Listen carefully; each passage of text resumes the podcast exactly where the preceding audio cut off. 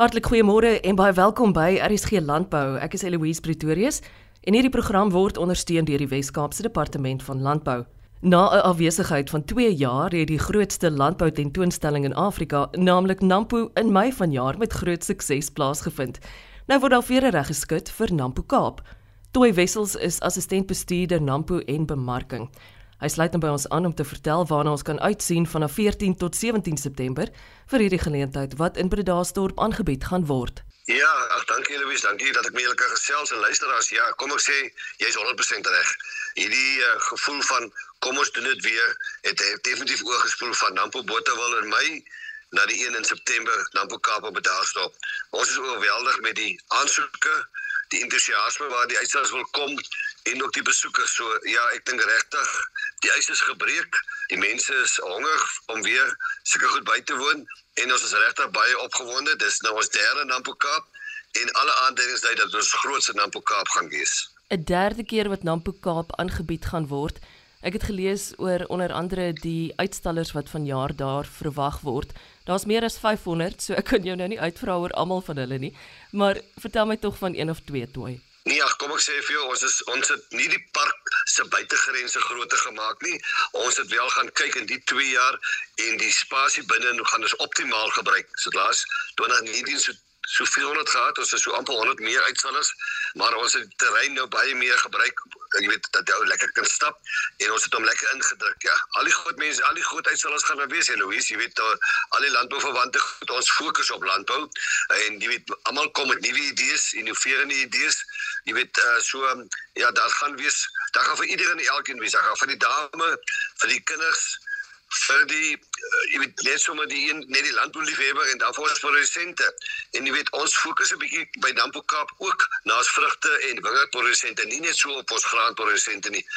Graan is dat die die mede-aanbieder van Nampo Kaap. Kyk ons na die hele spektrum en ook die veebedryf in die Kaap. So ons probeer almal dek. Ja, gaan vir elkeen iets om na te kyk. Hoor, ek beloof jou dit.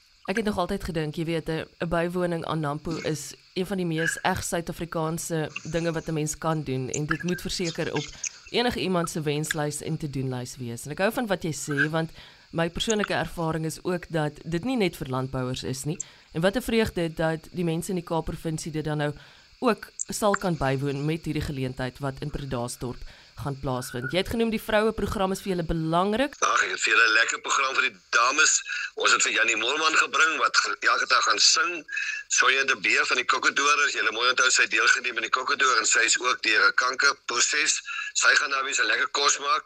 Dan elke dag gaan Elsbie Aldrich vir ons praat. Sy gaan byvoorbeeld eendag sê leef van binne af buitentoe. En dan Rico Sammers van van Loferin gaan vir ons elke slag 'n bietjie wyn weet. Een dag gaan hy vir ons sê kom ons praat rooiwyn en vind die pasmaats. So ek dink daar gaan met die dames regtig iets iets om uit te sien. Iets anderste wat ons by vir die dames. Ons het ook 'n plek ingerig waar ons Nampo Kaap se skoonheidssalon gaan hê so as jy 'n halfuurtjie of so het 'n dame en jy wil jou naels of jou mooi laat maak gaan daar so 'n plekkie wees waar jy dit ook kan doen. Verblyf is altyd iets wat 'n mens in gedagte moet hou as jy in Nampo Kaap wil bywoon? Ja, dit is die verblyf. Dis Botawil is oral 'n groot probleem. Um, ons sê vir die mense maar jy weet die maklikste is om die Kaap Agulhas Toerisme Kantoor te bel of op hulle webblad in te gaan uh, www.overberg streepinfo.co.za en hulle sal jou verwys na gastehuise.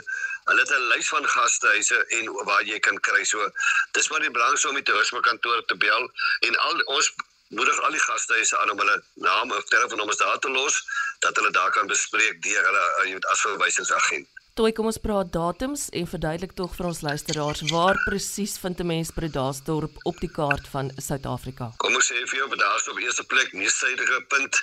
Jy weet, laas uh, Agulhas en Struisbaai, die dis die dalk net voor jy dit kry, dis pragtig daar aan die see se kant toe.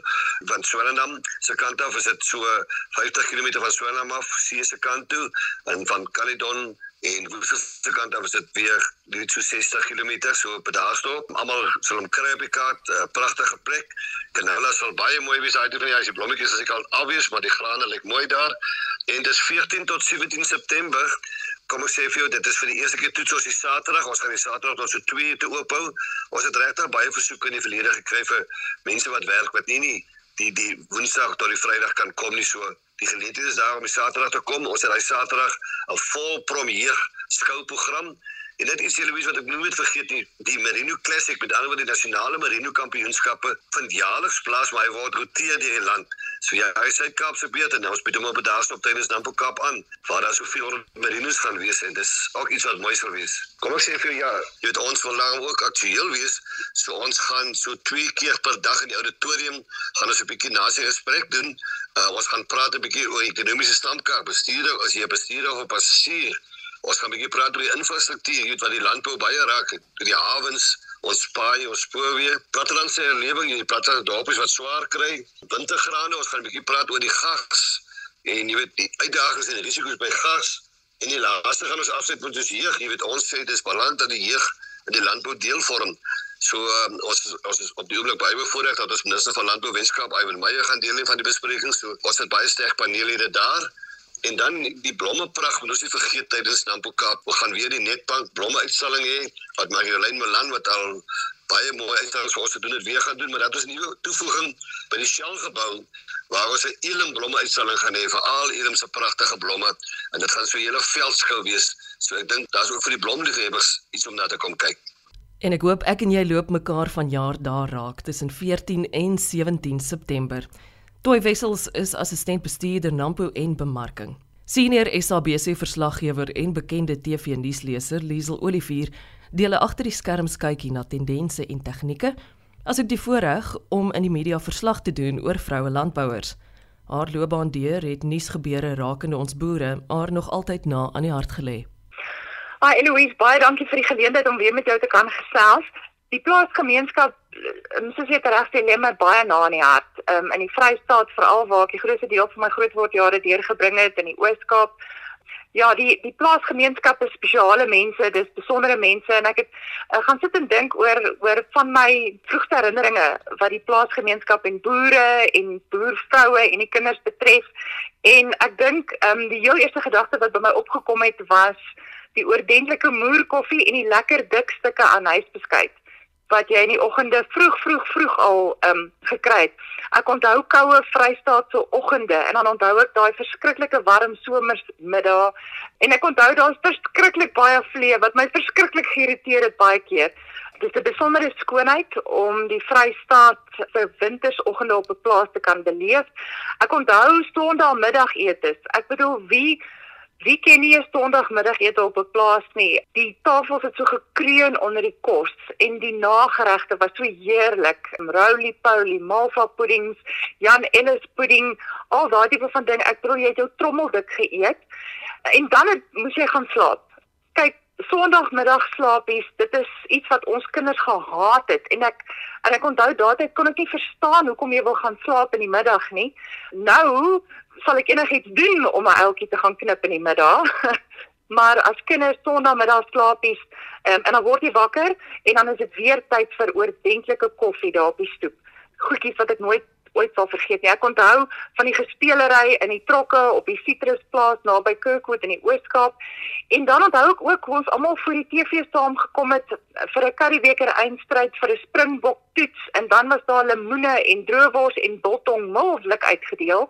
Daar was net soveel genoeg vir daar was soveel genoeg vir almal en ek onthou definitief hoe opgewerk almal geraak het. Jy weet as die All Blacks se 3 gaan druk of die verkeerde span wen daai currybeker. Ek sal dit nooit vergeet nie. Daar was altyd 'n gebraai daarna. Dit was 'n gesels en 'n gekuier vir 'n vale, die plaasgemeenskap. Dis 'n spesiale soort mens en is 'n mens vir wie ek baie lief is. Liesel is 'n sportspesialis onder andere. Dis altyd vir my opvallend hoeveel van ons veral Springbok rugby spelers ook landbouers is. Ek dink aan Willem Alberts, ek dink aan die Du Plessis broers.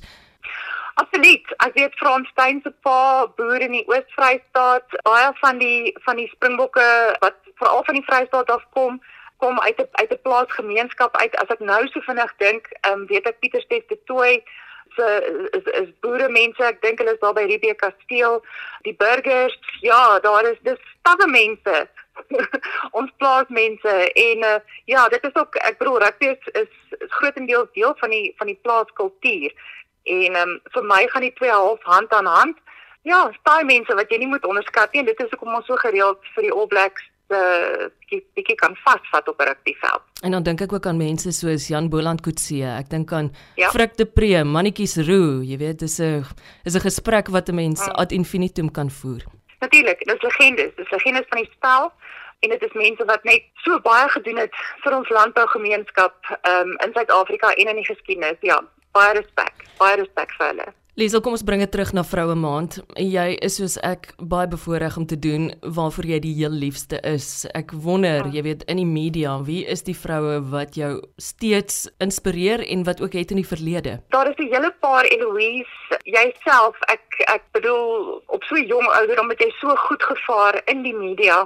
Die mooiste stem wat jy het en net hard werk. En dit voel net vir my hierdie bedryf waarin ons is, is um, 'n geweldige wrede bedryf in 'n sekere sin want jy stel jouself so bloot vir vir kritiek.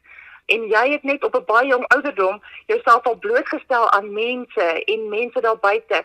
En jy het dit so goed hanteer. En jy's nog steeds besig om dit te doen.